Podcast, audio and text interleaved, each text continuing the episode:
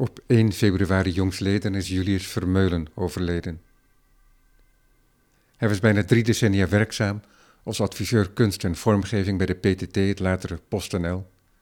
Daarna begon hij aan een nieuw avontuur met zijn galerie In Werk aan de Koninginnenweg.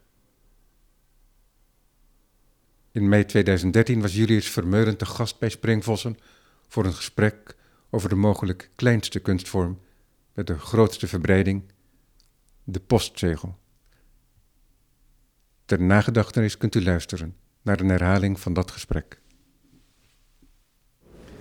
Welkom bij Springvossen. Vanmiddag heb ik te gast in Springvossen Julius Vermeuren. En Julius Vermeuren is adviseur kunst en vormgeving bij wat vroeger de PTT was en tegenwoordig PostNL is. Een bedrijf met een lange geschiedenis in vormgeving. Een bedrijf ook die in de loop der decennia een enorme kunstcollectie heeft opgebouwd. Dat is dan ook weer, weer verdeeld in de loop der tijd over de verschillende bedrijven die eruit voort zijn gekomen. Over die verdeling gaan we het niet hebben, maar wel over dat aspect wat ons allemaal aangaat en wat we elke dag zien. En dat is de vormgeving die het bedrijf heeft voortgebracht en die misschien wel de bakermat is voor wat wij met een Nederlands woord Dutch design noemen. Welkom Julius. Dag Robert. We hebben hier heel veel papieren liggen. Ik heb um, een vel liggen hier met wat icoontjes. En er is een website, dat heet Iconen van de Post. Dat kunnen mensen allemaal bekijken als ze um, mee willen kijken tijdens de uitzending. Um, en daar staan allerlei ontwerpen. Dat zijn niet alleen postzegels die uh, de wereld in zijn geslingerd door de PTT. In, klopt, uh, klopt. Ja. Nee, het is een website met de hoogtepunten uit onze ontwerpgeschiedenis. En die geschiedenis is heel levend, want die wordt uh, nou ja, ook vandaag en morgen levend gehouden. Omdat wij nog steeds postzegels uitgeven en nog steeds gemaakt door bijzondere ontwerpers ja. en vormgevers. Ja, de de, de post. Uh, post mag ik, mag ik je even onderbreken ja? voordat we door dat, dat gaan doen? Ik ben heel nieuwsgierig, want jij bent nu adviseur. Dat ben je al enige tijd, zo'n 20 jaar meen ik. Ja, ruim. Uh, dus je hebt er een rijke ervaring mee. Maar je bent zelf ook opgeleid als vormgever. Wanneer kwam de vormgeving jouw leven in? Uh, nou, al heel vroeg. Dat, dat, dat was al in de jaren 60. ik ging in 1967 bij mijn vader wonen. Uh, Jan Vermeulen? Ja, Jan Vermeulen. Mijn ouders die, die, die, die waren gescheiden, die, die zijn gescheiden. En op een gegeven moment ging ik bij mijn vader wonen. Omdat dat op de een of andere manier, uh, ja, dat, dat, dat voelde beter. Dat was ook, dat was ook leuker. Dat bleek vooral naar de hand. Want dat was dus in, in 67. En uh, ik kwam dus midden in de, in de, in de popwereld terecht. Zeg maar de, de, de, de, de, ja, alles was nieuw. Het was een soort van radicale wending in mijn leven. Want wat uh, was de omgeving van je vader? Want je vader was onder andere boekontwerper, hij was vormgever. Ja, hij was uh, dichter ook. Uh, ja. Hij schreef verhalen, hij was, hij was adjunct-directeur van de kunstacademie in Arnhem. Een multitalent. Ja, um, zo, zo, noemen ze dat nu. En, maar in die tijd was het vanzelfsprekend. en het was zo leuk om, toen ik 14 was, om bij mijn vader en zijn toenmalige vrouw te gaan wonen. Omdat zij een heel ander leven leidden. Uh, dan, dan ik gewend was bij mijn, uh, bij mijn moeder. Uh, door mijn vader kwam ik dus in aanraking met die meest vruchtbare en, en, en explosieve periodes in de kunst- en de, en de cultuurgeschiedenis. Uh, Want zijn vrienden um, die hem omringden, dat waren ook kunstenaars en, en, vormgevers? Ja, die kwamen bij ons thuis. Veel kunstenaars, veel, veel ja, ontwerpers. Dat vak, dat vak was toen nog in, in, in wording eigenlijk. Ja. Natuurlijk had je, had je uh, Wim Krauwe al wel, hè, de, waar we hopelijk straks nog even op terugkomen. Mede naar aanleiding van het Wim Krauwe Instituut, wat is opgericht de afgelopen zaterdag. Maar, ja. maar behalve die, die, die, kunstenaars en ontwerpers die, die bij ons kwamen, nam mijn vader mij ook mee in de wereld van, van, uh, van de popmuziek, van uh, de industriële vormgeving. Mijn vader had zelf een Olivetti, zo'n hele oranje Valentine. Mijn vader maakte alle ontwerpen van uh, de boeken van Jan Wolkers. Ja, die staan ja, dat deed hij vanaf uh, het debuut van Wolkers. Ja, vanaf, vanaf kort debuut, Amerikaans ja. in begin jaren 60, 1962 ja. was dat geloof ik. Ja, sterker nog, mijn vader heeft Jan Wolkers naar Meulhof gehaald. Uh, mijn vader was heel erg bevlogen met literatuur. Hij heeft ook veel voor, voor, voor en met Achterberg gewerkt. Maar in ieder geval, Jan Wolkers jeugdvriend naar Meulhof gehaald en is toen die omslagen gaan maken. En samen vonden ze, en dat heeft mijn vader natuurlijk geïnitieerd, dat je met, dat je met typografie en kleur een heel verhaal kon vertellen. Daar had je geen plaatjes voor nodig? Nee, had je geen plaatjes voor nodig. En uh, dat is natuurlijk een heel mooi voorbeeld hoe je niet alleen een schrijver kunt, kunt, kunt promoten, maar ook ja, God, een, een, een soort van, van idioom kunt ontwikkelen. W wanneer was het, raakte dat voor jou? Want in, als ik, ik neem, kijk, nu vertel je er achteraf over en dan kan je zeggen dat het bijzonder is om in die omgeving op te groeien. Maar is er een moment dat jij voor het eerst geraakt werd? Ja, dat was al eerder toen mijn vader mij meenam naar het Stedelijk Museum. Bijvoorbeeld naar de tentoonstelling van Wim Krauwel in, in, in 68. Over, over ontwerpers Maar het was eigenlijk het moment dat, dat hij mij vroeg om hem te helpen met het, uh, met het inschilderen van een omslag uh, van Jan Wolkers, Horrible Tango. Ik heb het meegenomen. Uh, iedereen ja. kent het wel. Het zijn, het zijn, het zijn, het is het oranje boek. Ja, met die enorme fluoriserende kleuren. Toen ben ik uh, eigenlijk helemaal uh, verkocht en toen, toen, dacht ik, ik wil ook Toen mocht je worden. meedoen met papa. Ja, precies. Ja, en uh, ja, dat was, zo, dat was zo fantastisch om te doen. ik had sowieso een, mijn vader had een zo, voor mij eigenlijk een geheimzinnig vak. Want dat hele ontwerpen, dat deed je vroeger met een CISO-latje, dat is een, dat is een grafische meeteenheid, en een rekenschijf. En daar maakte hij die boeken mee. En dan liet hij letter, letterproeven maken, letterstroken. Of met wrijfletters maakte hij dan zo'n omslag. En vervolgens cliché maken en zo. Er zat een hele keten van grafische vakmensen uh, achter natuurlijk. En er was van alles wat tegenwoordig in de computer uh, gebeurt. Ja, ja, ja, dat is natuurlijk een heel ander proces nu. Het gaat ook allemaal veel sneller. Want ja, uh, ja dat duurde natuurlijk wel even vroeger voordat zo'n omslag er was. Maar het, het, was zo fascinerend om het samen met hem te doen. En dat je dan pas na een paar, na een paar weken het resultaat zag. Want het ging natuurlijk naar, naar de uitgever, moest het goedgekeurd worden. Jan Wolkers moet het zien en de uitgever vond het soms niet goed. Hè. Die wilde dan toch, toch een plaatje. En zeker in het begin, het was natuurlijk best een gevecht.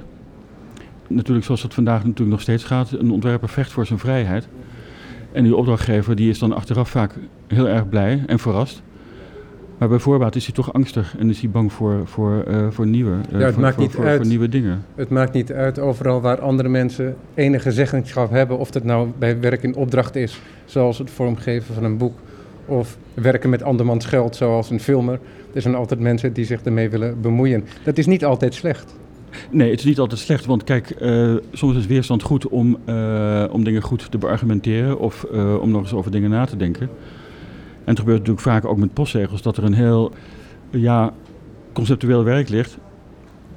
Wat soms onaangetast blijft, wat, wat, wat in één keer door kan gaan, maar waar soms gewoon door een dialoog verbeteringen uh, worden doorgevoerd. En dat is ook een deel van mijn werk. Ik, ik moet natuurlijk ook uh, ontwerpers inspireren en stimuleren.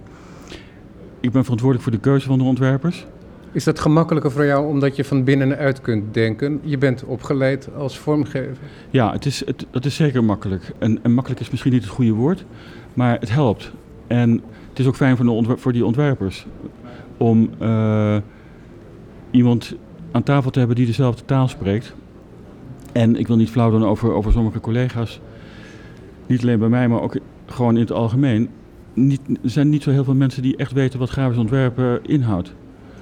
En met name omdat alles op de computer gebeurt, zijn er toch veel mensen die denken dat het heel gemakkelijk is uh, om zomaar even uh, iets te maken en, en hè, ook aanpassingen uh, te laten doen. Hè, kun je dat niet even veranderen. Maar zo is het natuurlijk niet. Het is, het is een heel intensief vak, waarin je veel moet lezen om de inhoud tot je te kunnen nemen en die inhoud vervolgens een vorm te geven. En uh, als je dat goed doet, dan heb je ook gelijk een hele goede basis. En daar komen ook hele mooie dingen uit voor, die, die je vervolgens ook weer makkelijk kunt verdedigen aan de opdrachtgever. Dus je moet altijd zorgen voor een goed idee. En niet alleen maar concept. mooie plaatjes. Niet alleen mooie plaatjes, nee, want dan krijg je dus kalenderplaatjes op postzegels. Dus Gebeurt het wel eens dat een mooi plaatje overeind blijft in de loop der jaren? Ja, ik moet je eerlijk zeggen dat, dat bij, bij, bij al die honderden postzegels die we uitgeven en die ik begeleid, daar zit natuurlijk wel eens een, een, een zegel tussen die, uh, ja, die beter had gekund. Of die door een bepaalde concessie inderdaad als hoofdmotief een plaatje heeft. Ja, over dat traject van eerste idee naar schets, ontwerp, ontwerp en uiteindelijk de productie van een postzegel, daar gaan we het straks over hebben. Misschien moeten we eventjes kijken naar de geschiedenis van het postzegel zoals wij die kennen. in Nederland? Want als je in het buitenland rondloopt, dan zie je nog altijd nationale grootheden uit de vaderlandse geschiedenis ja, ja, uh, klopt. op de postzegel in monochroom. Heel traditioneel vaak. Ja. Nee, kijk, de, de PTT is natuurlijk voor de Tweede Wereldoorlog al begonnen met een beleid en heeft zich, heeft zich gemanifesteerd als uh, verlichte opdrachtgever. Dat is, je hebt het al uh, in, je, in je aankondiging geschreven. Uh, dat is toch te danken aan één, aan één man. En dat is Jean-François Van Rooyen, de toenmalige directiesecretaris. Zeer belezen man met een, met een grote liefde voor poëzie, voor typografie. En die, en die Jean-François Van Rooyen heeft zich sterk gemaakt om een, een beleid neer te zetten wat gebaseerd was als op, op kunst als volks, volksverheffing. Hij vond dat alles wat het bedrijf naar buiten bracht, dat het gewoon van goede kwaliteit moest zijn. Dat is eigenlijk een heel mooi statement, zou je nu zeggen. Maar het is een, heel, een hele mooie formulering, omdat je daarmee aangeeft dat, het, dat je het belangrijk vindt dat jouw bedrijf goede dingen maakt. En dat is dus tegelijkertijd een visitekaartje. dus als je, als je goede dingen maakt, of het nou een, een de, de, identiteit van je bedrijf is. Of het, zijn, het zijn dragers die je uitgeeft, zoals bij de postzegel natuurlijk een, prachtig, een prachtige exponent van is. Ja, als dat er goed uitziet, in de tijdgeest goed vormgegeven, ja, dan is dat aandacht, dan is dat een onderscheidend vermogen, waardoor je als bedrijf je profileert. Maar goed, hij deed het dus uit, uit, uit, nog, nog vanuit een meer sociaal-moreel aspect. Die kunst als volksverheffing. Het mes sneed aan twee kanten. Het mes sneed aan twee kanten, ja. ja. En dat heeft dus ook hele mooie dingen opgeleverd. Want uh, ja, we hebben er natuurlijk, mag ik gerust zeggen, een wereldwijde reputatie mee opgebouwd. Ja. Deze Van Rooyen die werkte vanaf de Eerste Wereldoorlog grofweg tot, ja. uh, tot, aan de eerste, tot aan de Tweede Wereldoorlog. Ja, het begon in het interbellum eigenlijk in de in begin jaren uh, 30. Uh, nee, daarvoor nog moet ik zeggen. Daarvoor nog. Hij begon met het geven van, van opdrachten aan, aan architecten en, en grafici. waren nog niet echt grafische ontwerpers. Het werd niet meer in huis gemaakt. nou, ja, nou ja, kijk, uh, het was een fantastische tijd, want er werden postkantoren als, als, als kathedralen gebouwd. Ja. Hè, uh, maar ja, Magna Plaza, wat, wat nu Magna Plaza heet, was natuurlijk vroeger het hoofd. Neo-gotisch. Fantastisch. Sprookjespaleis voor uh, post. Neude, het Neude in Utrecht, ook zo'n prachtig voorbeeld. Niet alleen als gebouw, maar ook de inrichting met, met een soort van gezamenlijk kunstwerk. Een soort gezamtkunstwerk met allerlei kunstopdrachten van ontwerpers die, die, die daar uh, het hele fenomeen post probeerden uh, te visualiseren. Maar belangrijke is natuurlijk dat uh, met het beleid van Van Rooyen is er, is er, zijn er heel veel dingen ontstaan. Er is een kunstcollectie ontstaan de eerste en de Want grootste collectie dat, van Ging dat van, in één moeite door, dat er kunstenaars en ontwerpers werden gevraagd, maar dat er dan ook meteen een kunstcollectie werd opgebouwd? Niet vanzelfsprekend, nee, want, want uh, formeel is de kunstcollectie pas uh, geïnstitu geïnstitutionaliseerd, nee, geïnstitutionaliseerd ja, geloof ik. Mm -hmm. Of uh, anyways, um, na de, vlak na de Tweede Wereldoorlog, ja. dus in, in, in, zeg maar, gelijk in 1945 toen je helaas overleden was in een concentratiekamp. Toen is die uh, kunstcollectie eigenlijk ja, geformaliseerd en uh, begon men met aankopen van, van, van, van, kunstwerken. En toen werd het echt een verzameling echt in een plaats verzameling. van een links en rechts. Ja, maar die had, ook, die had ook een doel, hè? die werd ook ingezet om ja, echt voor de medewerker, hè? om de medewerker ook een, een soort van goede, goede werkomgeving te geven. En dus, dan ook in een inspirerende werkomgeving. Hè? Want het is natuurlijk belangrijk dat je medewerkers inspireert. Dat je, dat je ze niet zozeer, niet zozeer opvoedt, maar wel laat zien ja, wat er nog meer is tussen, tussen hemel en aarde. En dat hebben natuurlijk veel postzegelontwerpers ook gedaan. Er waren ook heel veel uh, kunstenaars waar we werk van aankochten die ook postzegels maakten. En vice versa. Ik heb, ja. daar, ik heb daar in 2006 een tentoonstelling over gemaakt, uh, Kunst per Post. Met, met, met uh, een, een, een opdracht aan Karel Appel. Wat gelijk zijn laatste opdracht werd, helaas. Om dus die traditie voor te zetten.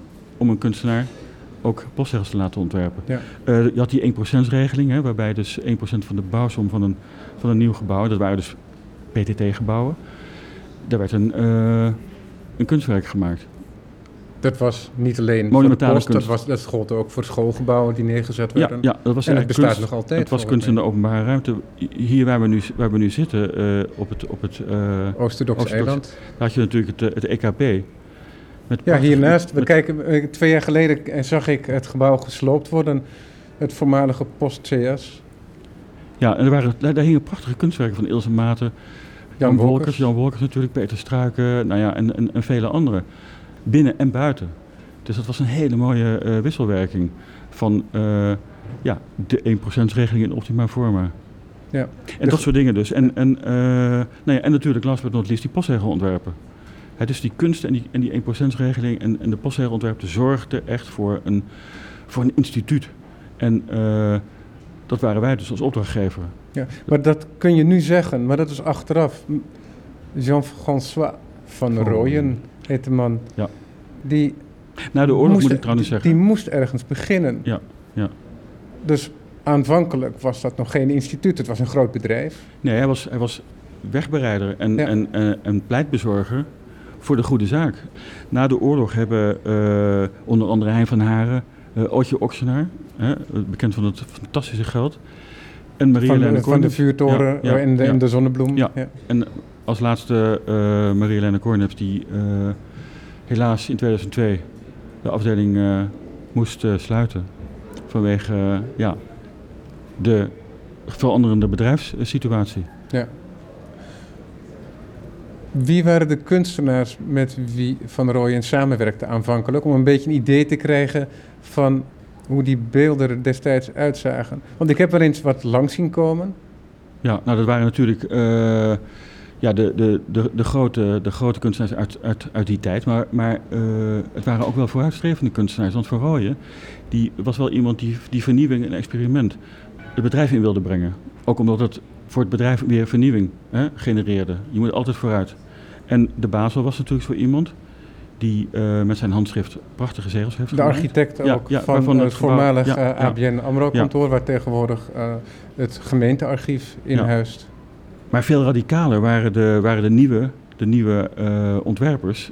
Kiljan, Gerard Kiljan, Paul Schuitema en Piet Zwart natuurlijk. Ja, van Die- Piet die- Zwart. Die een je- radicaal andere benadering van, het, van het hele grafische vak gingen toepassen. Hè, met met, met fotografie als eh, nieuwe eh, techniek. En nog, nog gekker, de fotocollage. Ja, want, dat, want je hebt me van Piet Zwart op voorhand eh, zo'n fotocollage van Piet Zwart laten zien. En dat blijft tegenwoordig nog overeind staan, 80 jaar later. Ja, ja. Nee, maar dat is omdat het natuurlijk zo goed is. En, en Piet Zwart, die liet zich ook wel inspireren natuurlijk door, door andere stromingen die op dat moment ja, opkwamen. En dat waren natuurlijk de Russen, Lisitsky en, en Kandinsky, uh, Malevich. Dus, dus, Dus ze, kenden, zo- ze kenden elkaar volgens mij ook, Piet Zwart en Lisitsky. dat zou heel goed kunnen, ja. Ja. Ja. Ja, Maar dat is ook wel mooi van zo'n tijdgeest, dat heel veel dingen samenkomen. Eh, dat zie je nu, nu, nu ook wel. En, en, en het, heeft natuurlijk gewoon, het zijn natuurlijk golfbewegingen van eh, ja, elkaar inspireren. Beeldende kunst inspireert vormgevers. En, en ja, meestal niet andersom, maar soms ook wel. Soms ook wel. Ja. En mode loopt nu door elkaar en, en, en eh, architectuur. Eh, er gebeurt nu ook wel weer veel. Maar toen, voor die tijd, was het echt radicaal en nieuw. En het levert ook heel veel weerstand op. Boze brieven natuurlijk van, van, van mensen die het helemaal niet snapten. En toch zet het bedrijf door. En toch zet het bedrijf door. En dat is ja, toch wel heel fijn en, en knap van Van, van, van Rooyen. Dat hij, eh, ondanks al die tegenwind, heel veel energie heeft gestoken in het ehm, doorzetten van dit beleid. Maar het, be- het be- het begaf zich ook op straat. Want ik heb ook wel eens gelezen dat de architecten van de Vanellenfabrieken, die nu op de werelderfgoedlijst staan, Brinkman en Van der Vlucht, Ja, die ja, hebben ja. de telefooncel ontworpen. Ja, fantastisch. Ja, en, en zo zijn er dus heel die veel hebben tot in de jaren tachtig op straat gestaan. Ja, nee, maar goed, de brievenbussen die werden ontworpen door Parry en van Truijen, eh, industrieel ontwerpers. Friso Kramer heeft eh, brievenbussen ontworpen. En, eh, en zo zijn er dus heel veel voorbeelden van hele goede ontwerpers die op verschillende disciplines werden ingezet. Dat heeft zijn invloed gehad ook op andere gebieden in de Nederlandse maatschappij. Op andere bedrijven, maar ook op een volledige ontwerpcultuur, mag je misschien wel zeggen. Ja, kijk, uh, dat, is, dat is misschien lastig te duiden, want uh, toen in de jaren 30 Van Rooyen dat beleid zo mooi heeft neergezet, toen waren er natuurlijk ook wel andere um, um, instituten en ook, en ook bedrijven die uh, met hele goede ontwerpers werkten. De ja. slaoliefabrieken zijn natuurlijk een voorbeeld. Ja, en de vanillefabrieken die zijn ook ja. door een moedig ja. uh, en vooruitstrevend uh, directeur neergezet. Maar goed. Nou, kijk, wat ik vroeg is hoe die relatie, hoe, die, hoe het effect is geweest van zo'n initiatief van één zo'n persoon binnen een heel groot bedrijf op de ontwerpcultuur. Ja, die, is, en ik, die, en is, enorm, die is enorm geweest, want, want je geeft natuurlijk een enorme stimulans aan, uh, aan de ontwerpwereld en de kunstwereld. Uh, niet alleen door, door, door kunstwerken te kopen, maar het geven van opdrachten uh, aan, aan, grafische ontwerpers. Ja, dat is natuurlijk ook een hele goede stimulans voor het vakgebied. Zeker als je daar, als je de ontwerpers heel veel, heel veel vrijheid geeft. Wat ook moet natuurlijk, anders moet je ze niet vragen. je moet ze in staat laten zijn om, om, om bijzondere dingen te, te, te, te laten ontwerpen. En dat, dat alles bij elkaar, dat wordt gezien, hè, ook door andere bedrijven. Het wordt niet altijd opgepakt. Maar er zijn natuurlijk tijden geweest dat, dat, dat heel veel bedrijven ook een, een, uh, nou ja, een redelijk bijzonder ontwerpbeleid hadden. Niet zo, niet zo uniek als de PTT, want dat is werkelijk ook nergens ter wereld uh, is, dat, is dat ooit vertoond dat een bedrijf, één bedrijf zoveel uh, vormgevingsopdrachten heeft verstrekt? Ja, nou in ieder geval zo'n zo'n bijzondere afdeling had. Een speciale afdeling met, met mensen, kunsthistorici, schrijvers, die experts op alle disciplines, beeldende kunst, grafische vormgeving, industriële vormgeving, werkelijk uniek. En daar zijn tot en met ver in de jaren 80, begin jaren 90 fantastische dingen gemaakt. Met, met tentoonstellingen in het Stedelijk Museum, Holland in Vorm. Uh, ja, ga zo maar door. Het was echt uh, veel publicaties ook, uh, Vrij Nederland, kunstbeeld. Het was fantastisch. Worden geen kunstambassades meer nodig? Nee, eigenlijk niet. Nee, want, want en, en het leuke van die postzegel is natuurlijk dat hij over de wereld reist. dus die, die maakt ook reclame voor zichzelf. Postzegels hebben natuurlijk vaak cultuur als onderwerp. Rijksmuseum, Stedelijk Museum, noem maar op. Maar, en dat is dan een letterlijke een, een letterlijk onderwerp. Hè. Uh, maar als er, geen, als er een ander onderwerp op die postzegel staat, dan is het nog cultuur, nog steeds. Want hij is ontworpen door Nederlandse vormgevers. En dat is toch nog steeds bijzonder. Hoewel, het, kijk, het vormgeven is natuurlijk ja, ook wel, ook wel ge, ge, geglobaliseerd. Hè. Natuurlijk zijn er in Amerika goede ontwerpers. En in Japan. En in Engeland en in Frankrijk. Maar wij zijn nog steeds, en in ieder geval kan ik nog steeds verdedigen bij de, bij de, bij de post. Zijn ontwerpers nog steeds in staat om, om, om door de vrijheid die ze krijgen bijna altijd verder te gaan dan in, in omringende landen. Je zou bijna wensen dat tegen de keer bedrijven uh, dit oude voorbeeld oppakken, nu heel veel uh, klassieke uh, overheidsmonopolisten wegvallen en uh, sowieso uh, subsidiegelden wegvallen. Nee, geweldig. De wens, de wens is natuurlijk de vader van de gedachte. Maar in dit geval zou die ook wel eens werkelijkheid kunnen worden. Omdat, ik wil niet zeggen dat de postzegel nog, nog decennia lang zal blijven bestaan. Maar er zal zeker de komende tien jaar behoefte blijven aan, aan, aan zo'n medium waarin, je, waarin de aandacht van afstraalt. Net zo goed als het boek nog steeds, een bepaald type boek, zal, zal zich ook zeker staande houden in de, in de, in de internetwereld. En er zal ook wel weer een revival komen. Hè? Dat, dat, dat mensen toch binnen die enorme uh, hoeveelheid media uh, berichten zo'n zo'n als een heel mooi verstild documentje zien. En dat gaan gebruiken om, om elkaar misschien toch nog een brief te sturen. Ja. Dat is misschien aan de ene kant een romantisch idee. Maar ik, ik, ik, als ik ook zie het aantal postzeggers wat wij nog steeds uitgeven, dan denk ik toch dat daar, dat daar zeker nog voor de komende tien jaar behoefte aan is. Want we hebben het over postzegels vandaag. En ja, een postzegel. Ik lees wel eens boeken van wat overleden schrijvers. En dan zijn er um, vier postbestellingen per dag. Misschien wel zes in de 19e eeuw.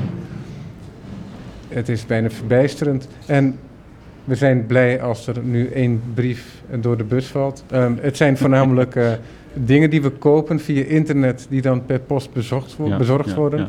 de postzegel dreigt te verdwijnen.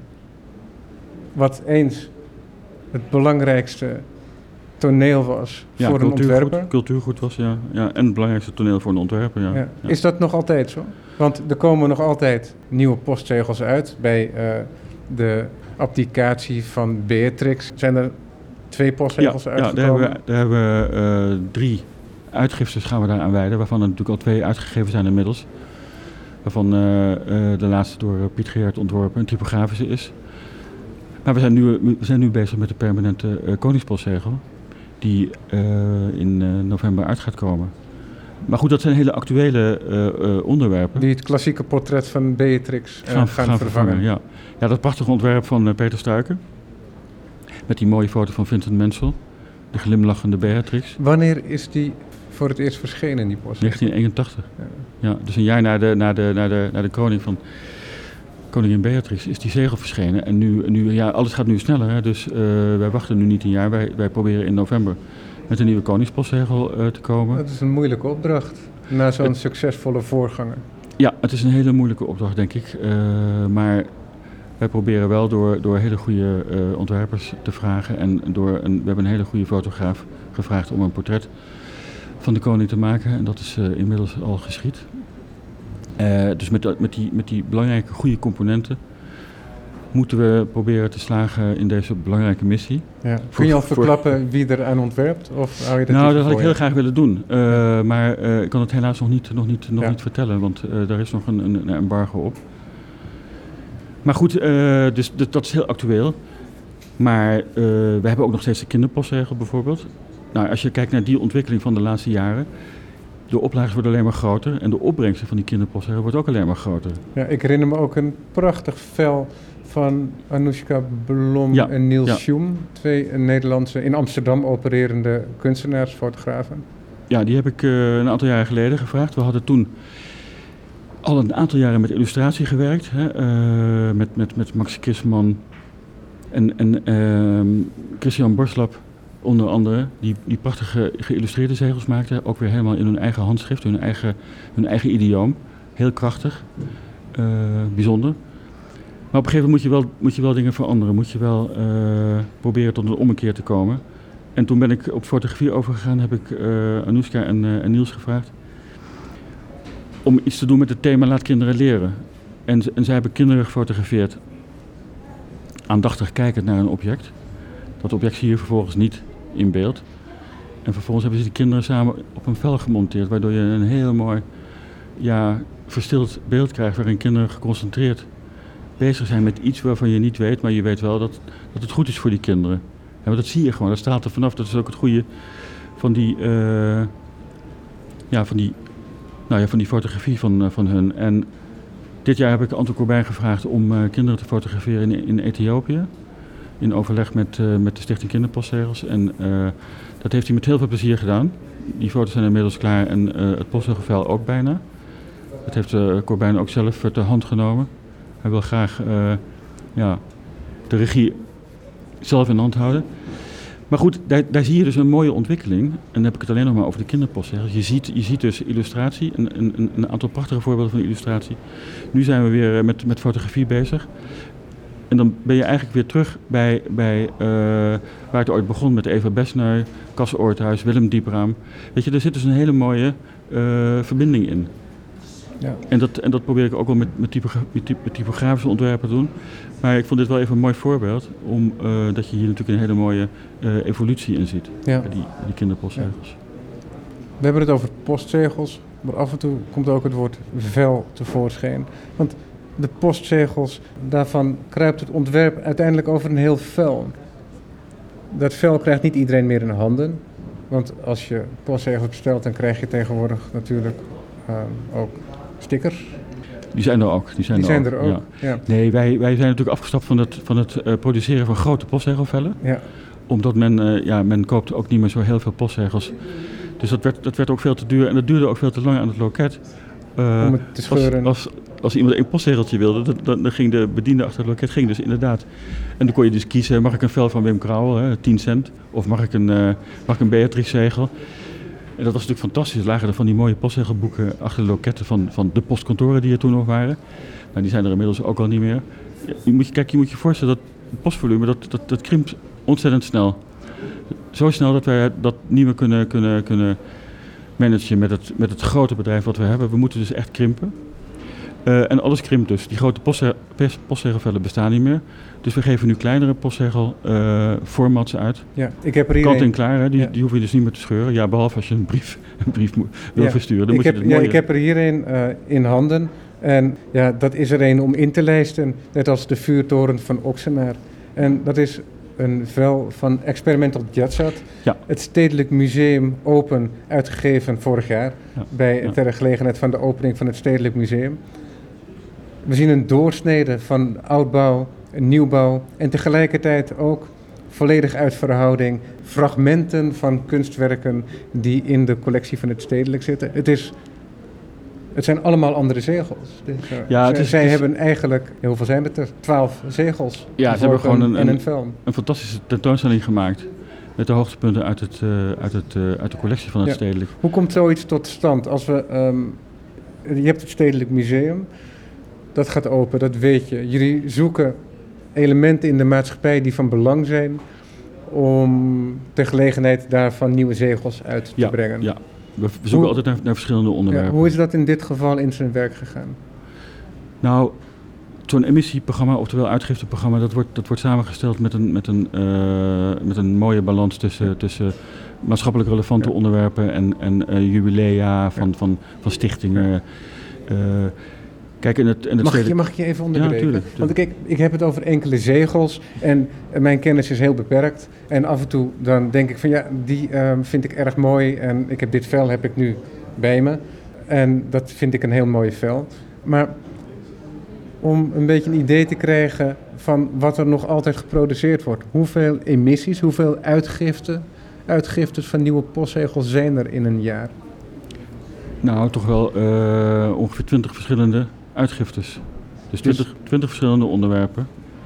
Dus twintig nieuwe samenwerkingen en eh, conceptualiseringen. Ja, precies. Dus nee, met 20 verschillende onderwerpen. Dus bijvoorbeeld eh, het Stedelijk Museum is één onderwerp. Ja. Maar dat zijn dus tien, dat zijn dus tien verschillende zegels. We geven dus per jaar eh, miljoenen zegels uit, wil ik maar zeggen. En ja, het Stedelijk Museum is een onderwerp wat, wat, wat wij als bedrijf heel, heel plezierig vinden. Dat omarmen we ook. Daar ligt ook weer een relatie met Sandberg bijvoorbeeld, hè, eh, die ook postzegels heeft gemaakt ooit. Eh, de collectie van het Stedelijk Museum met de grafische collectie.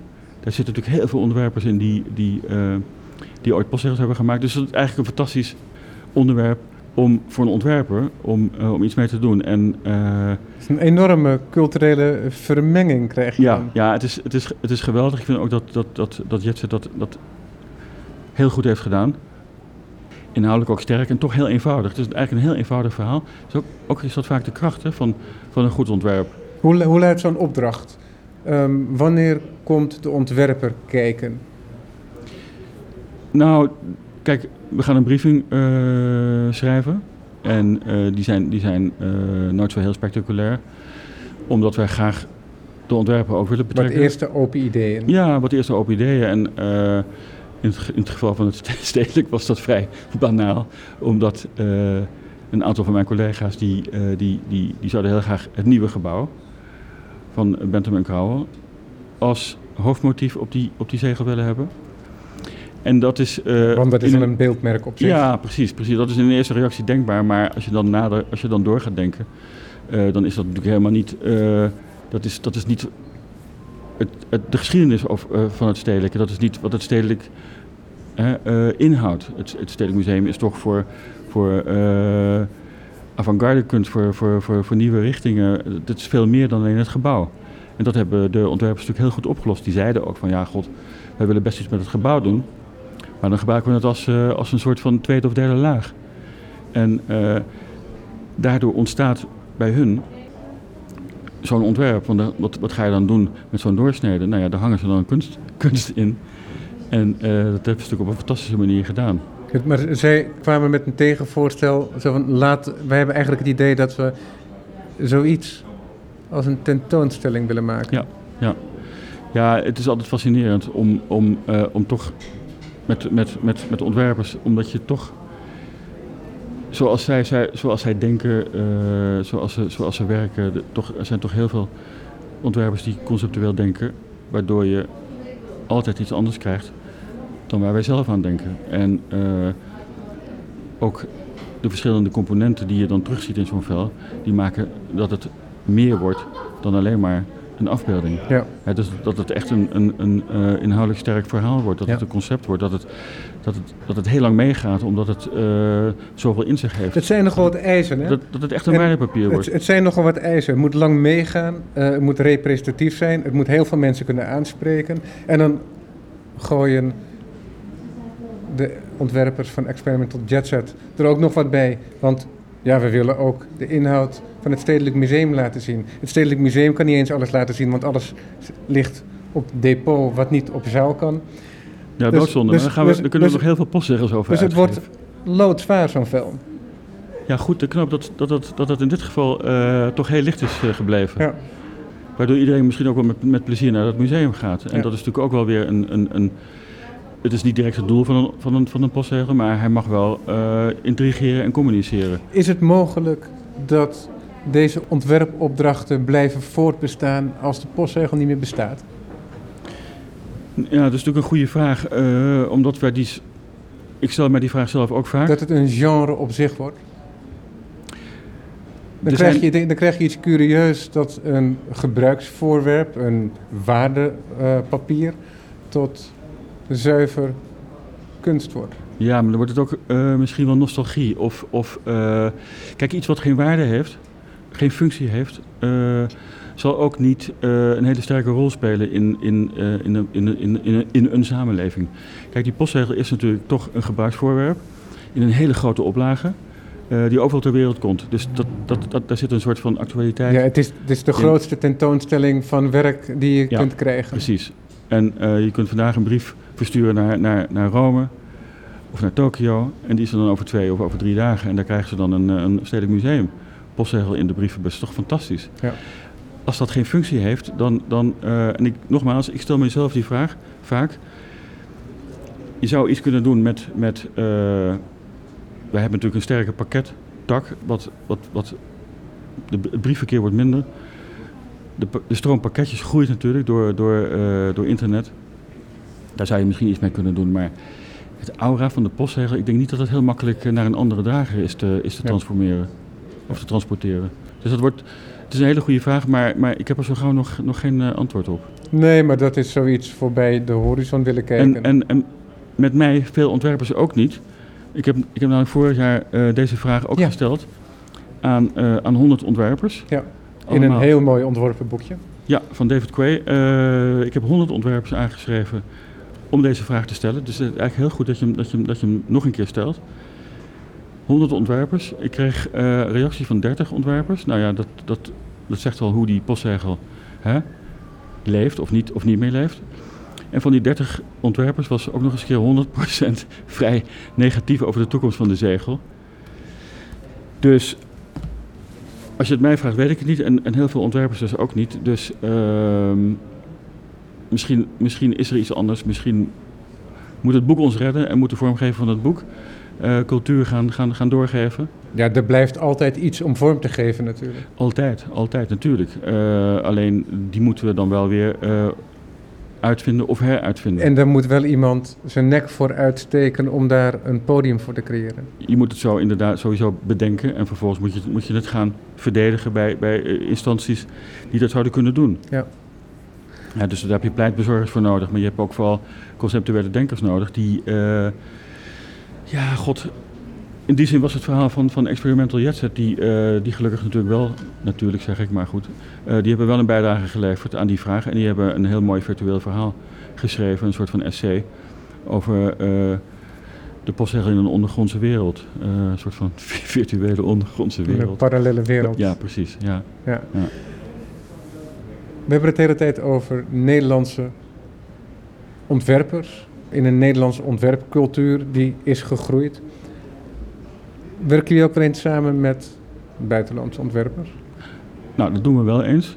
Maar echt bij hoge uitzonderingen. Dat is, dat is helemaal niet zo gek, omdat ja, nogmaals... Want we hebben, we, hebben het, je noemde net al zo van ja, er is een enorme mondialisering wat ontwerpcultuur betreft. Maar is dat, als het op het individu aankomt, ook daadwerkelijk het geval? Met werkwijze en ehm, verwerking van idee en concept? Ja, je kunt, je kunt dat wel in grote lijnen uh, zo, zo zeggen. Ja, natuurlijk zijn, zijn, zijn buitenlandse ontwerpers net zo goed geëquipeerd en net zo conceptueel opgeleid. Die zijn nee, maar ik dacht, misschien, heb, misschien heb je toch als Nederlandse Post-NL een bepaalde manier van werken en een bepaald karakter van uh, ontwerp voor ogen, die niet 1, 2, 3 aansluit bij uh, het repertoire van een buitenlandse ontwerper? Nou, dat, dat, dat, is, dat is niet meer zo hoor. Want kijk, er zijn genoeg buitenlandse ontwerpers, uh, Amerikaanse, Engelse. Neville Brody bijvoorbeeld heeft, heeft uh, ooit een, een, een, zegel voor ons gemaakt, een serie voor ons gemaakt. Een van de eerste series met, met, met computer gemaakte ontwerpen. Pierre Bernard heeft postzegels gemaakt, de Franse ontwerper uh, uit Parijs. Ja, ik hoor ook graag dat het volslagen onzin is. Ja, nou, het is geen onzin, maar, maar bedoel, het is niet echt zo, zo... Nee, kijk, er zijn, er zijn, ik moet eerlijk toegeven, er zijn natuurlijk fantastische ontwerpers. Uh, ook in andere landen. Alleen, kijk, het is wel zo dat die Nederlandse ontwerper... En daarom is dat Nederlandse ontwerper ook zo, ook zo beroemd. Ja, die zijn gewoon toch radicaler. Die, eh, die, die nemen meer vrijheid, die gaan verder. Dat komt ook door de kunstopleidingen. Of het kwam door de kunstopleidingen, want zo goed, zo goed zijn ze helaas niet meer. Er zijn heel veel, heel veel postgraduate instituten in Nederland die ook nog eens verder gaan. dus waar, waar, waar, waar uh, ontwerpers en kunstenaars zich nog verder kunnen, kunnen bekwamen. Er zijn ook heel veel subsidies in Nederland waar, waarmee ontwerpers aan de slag kunnen. Dus zij kunnen gewoon wel iets meer, denk ik, Nederlandse ontwerpers, dan, dan, dan buitenlandse ontwerpers. Ja. Uh, zij, zij kunnen denk ik makkelijker hun, hun eerste experimenten toepassen ook. Wat is je, de, jouw, de voor jou favoriete zegel waar, waar je bij betrokken bent geweest? Uh, nou, dat is een, dat is een, dat is een, hele lastige een vraag. helse vraag natuurlijk. Dat is een hele lastige vraag. Want, want, ja. uh, en, en van voor jouw periode bijvoorbeeld? Van voor mijn periode? Ja, ik vind de postzegels van uh, Willem Diepraam en, en Jan van Toren vind ik ontzettend mooi en krachtig. Uh, weet je, het is, het is een vraag die ik eigenlijk niet kan beantwoorden. Ja. Omdat er zo, er zijn zoveel goede postzegels. Uh, en bijna over elke postzegel die ik heb begeleid, kan ik fantastische verhalen vertellen. We zouden hier tot vijf uur, wat zeg ik, tot zeven uur kunnen zitten. Nou, kies, ik, wil, ik, zou ik, zeggen, kies er één uit. Nee, maar ik wil er misschien wel een paar, een paar ja. aanstippen. Um, je hebt hier een boekje bij je? Ik vind, ik vind de tijdloze zegels natuurlijk heel mooi, omdat die zo lang, zo lang bij je blijven. De, ja. zegel, de, de cijferserie van Wim Krauwel bijvoorbeeld. Ja. Maar ja, de, zijn voorganger Jan van Krimpen, weet je, had, had, had bijna een even mooie serie neergezet, een even goede serie. Weet je, in de tijdgeest zijn dat gewoon fantastische uh, eikpunten.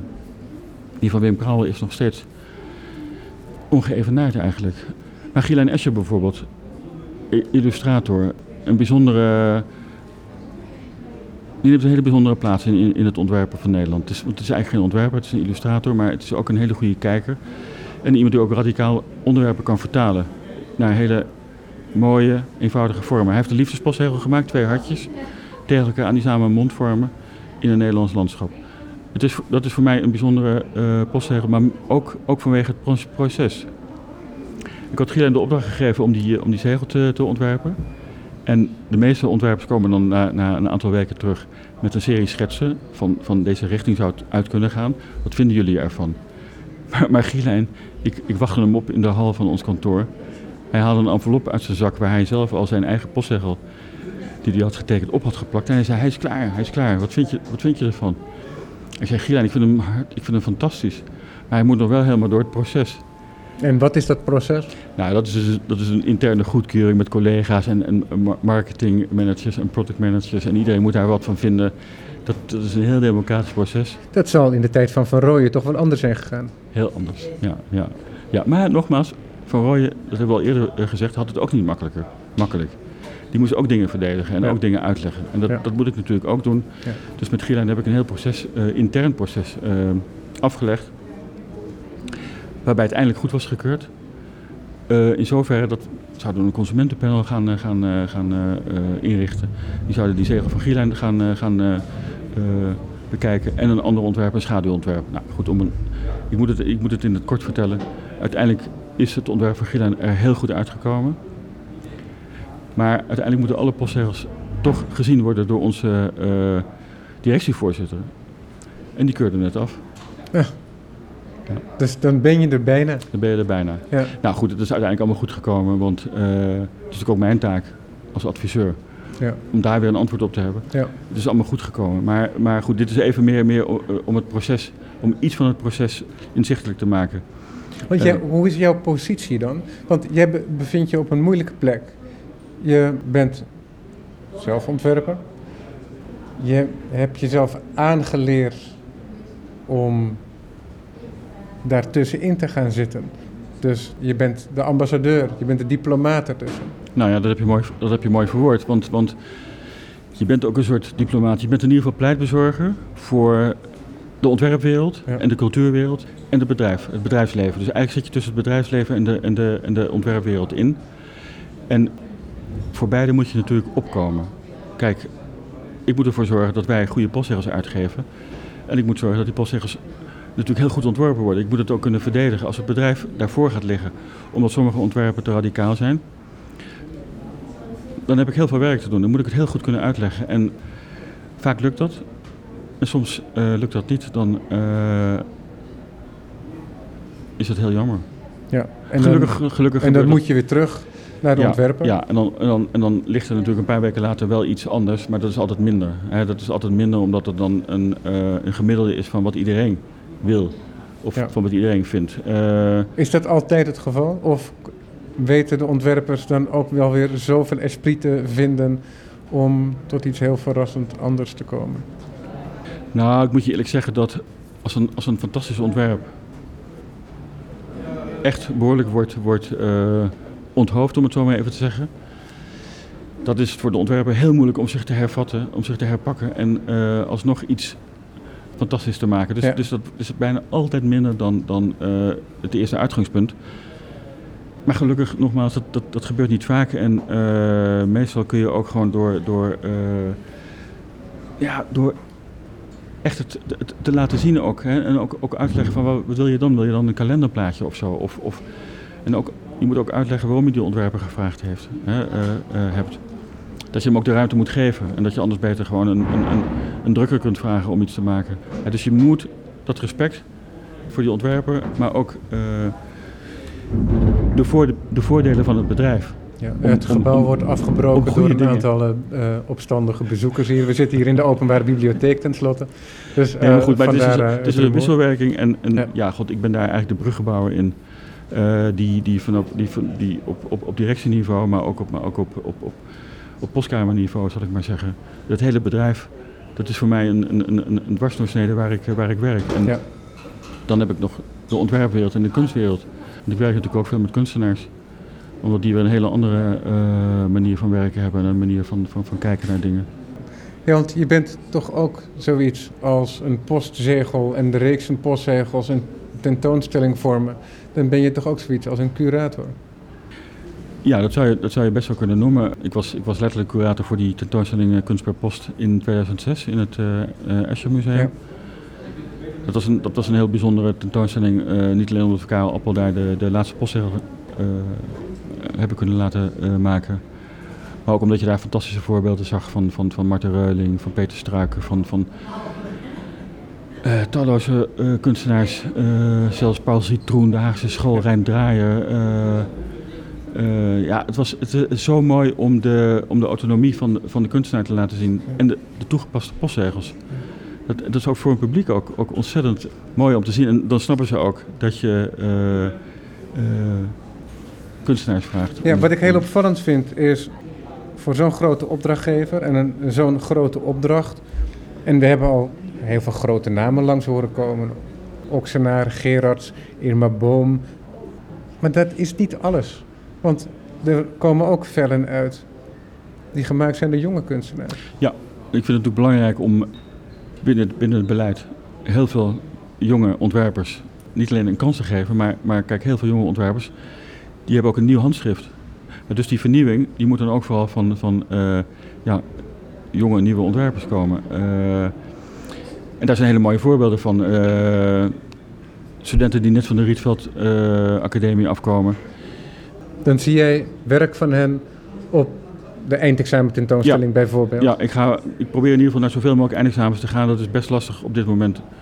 Omdat ik, omdat, nou ja, nogmaals, die afdeling die is natuurlijk steeds kleiner geworden. En nu, nu ben ik alleen nog maar als enige eh, adviseur voor een aantal spraakmakende uitingen binnen het bedrijf. Waarvan de postzegels natuurlijk heel belangrijk zijn. Dus het is heel moeilijk om dat allemaal bij te houden. Maar in ieder geval, een heel mooi voorbeeld was eh, drie jongens van de Rietveld Dept. Nu heet ze Machine. Die hadden een fantastisch eindexamen. En er kwam een onderwerp voorbij. Jeugdcultuur. Waarvan ik dacht, nou ja, dat, weet je dat wordt je op een presenteerblaadje aangereikt. Van dit, dit moeten die jongens gaan doen. Eh, dat was dan ook heel erg leuk en dat vond het bedrijf ook bijzonder. En zo zijn er dus veel meer voorbeelden van... van eh, Gaat het ook altijd meteen goed? Want ik kan me ook voorstellen dat je een veel groter risico, risico neemt op dat moment. ja, je neemt, een, je neemt een risico, maar het, het is natuurlijk ook aan, aan ons en aan mij om dat, om dat goed, goed te kanaliseren, Ja. goed, goed, en je sturen. profiteert zelf ook van een soort frisheid. Ja, natuurlijk. Ik bedoel, wij doen daar, wij doen daar ons voorbeeld, voordeel mee. Maar, maar het is vooral om, om er een soort, kijk, een soort dynamiek voor het bedrijf te continueren. Het is jonge ontwerpers, oude ontwerpers. Want die moet je natuurlijk ook nog steeds... Kijk, oudere ontwerpers maken ook, maken ook een ontwikkeling door. De, de, de ontwerper van, van Wim Grauwel uit de jaren 60 en uit de jaren 80... Nou was Wim natuurlijk een uitzonderlijk eh, talent, maar, maar eh, noem een andere ontwerper en je ziet een enorme verandering. Ja, soms- Jan van Toren die eh, maakt nog deel uit van een tentoonstelling in het Stedelijk Museum. Ja, voor een een nieuwe Stedelijk Museum aankopen. En debuteert eh, ergens in de 70 eh, Ja. als eh, beeldend kunstenaar. Ja, fantastisch. Ja, ja, ja, Jan is natuurlijk ook een, een, een bijzondere ontwerper met een, met een heel mooi uh, postzegelverleden. Kijk, het is helemaal niet ondenkbaar dat Jan van Toorn nog een postzegel maakt. Dus, dus, dus jong, jonge ontwerpers, kunstenaars, oudere ontwerpers. Die, die, die, die, die kunnen allemaal, of die moeten zelfs allemaal een plek Ja. krijgen eh, in, het, in, het, in, het, in, de, in het vormgeven van, het, van de komende jaren eh uitgiftebeleid. Wat zijn ontwerpen waar we naar uit mogen zien? Waar we naar uit mogen zien. Nou ja, kijk, de nieuwe Koningszegel wordt natuurlijk een heel eh, bijzonder Ja, moment. Maar daarover mag je nog niet heel erg veel zeggen. Nee, maar goed, het, is, het, is natuurlijk, het wordt natuurlijk Ja. heel spannend. Wanneer omdat- wordt die omdat, Uitgebracht? eh, 27 november waarschijnlijk. Ja. Ja. Ja, Nee, maar het is voor die ontwerpers natuurlijk ook ontzettend spannend om, om zo'n fantastisch icoon ja, u, u- überhaupt proberen te evenaren. Ja, want het is, Dus- als het eh, allemaal goed gaat, ook een van de langstlopende zegels Ja. eh, in de collectie dan. Ja. Nou ja, goed, de, de, de kinderpostzegels zijn natuurlijk eh, bijzonder hè, door, door die prachtige zwart-wit fotografie van Corbijn. Krachtig, indringend, maar ook weer heel rauw, weet je wel. Gewoon, Ja, Ja. iedereen kan voor een paar eh, stuivers een korbijn hebben. ja, ja, nee, dat is het mooie van postzegel. Kijk, hier ligt een Mondriaan van, van Walter Nichols. Als je het hebt over de mooiste postzegel. Ah, Ik vind die, ik vind die Mondriaan, ja, dat is eh, de, de Broadway Boogie Woogie, Ja, meen ja, ik, eh, verwerkt in een postzegel. nee, is, is ook een En prachtig... het vel wordt ook weer een, een raster, waardoor je een soort vermenigvuldiging krijgt. Nee, het is een fantastisch ontwerp ter voeten uit. Eh, de decemberzegels worden ontworpen door Siep Postuma. Ehm, nou, het, wordt, het wordt een heel bijzonder jaar. En we, zijn, we zijn al heel druk bezig voor 2014. En eh, daar zal ik de onderwerpen nog... eh nu moet ik nog even voor me houden, maar... eh, we blijven proberen om eh, die balans tussen cultuur en andere relevante onderwerpen... eh, ja, om, die, om die heel goed te ontwerpen, te laten ontwerpen. Mensen kunnen dit bekijken bij Iconen van de Post. Daar staan de reeds gevestigde ontwerpen. Waar kunnen mensen de nieuwe ontwerpen bezoeken? Eh, nou, die kunnen, die kunnen ook terecht op iconen van de post. Want ik probeer wel eh, die site zo levend, zo levend mogelijk te houden. Ehm wij proberen minimaal elke twee à drie maanden Ja. alle nieuwe postzegels daar op te zetten. En ehm, je kunt ook natuurlijk op de, op de website van PostNL kijken naar, naar nieuwe eh, uitgiftes. En je kunt ze daar ook kopen. hè. Je kunt alle nieuwe uitgiftes Ja. kun je kopen eh, via postnl.nl. Ja, verzamelen wordt kunst verzamelen op deze manier in Nederland. Julius Vermeulen, adviseur kunst en vormgeving van PostNL. Ik dank je hartelijk. Ik eh, vond het eh, voor erg leuk om hier te zijn. gesprek. Dank Ja. jij. Ook jij dan.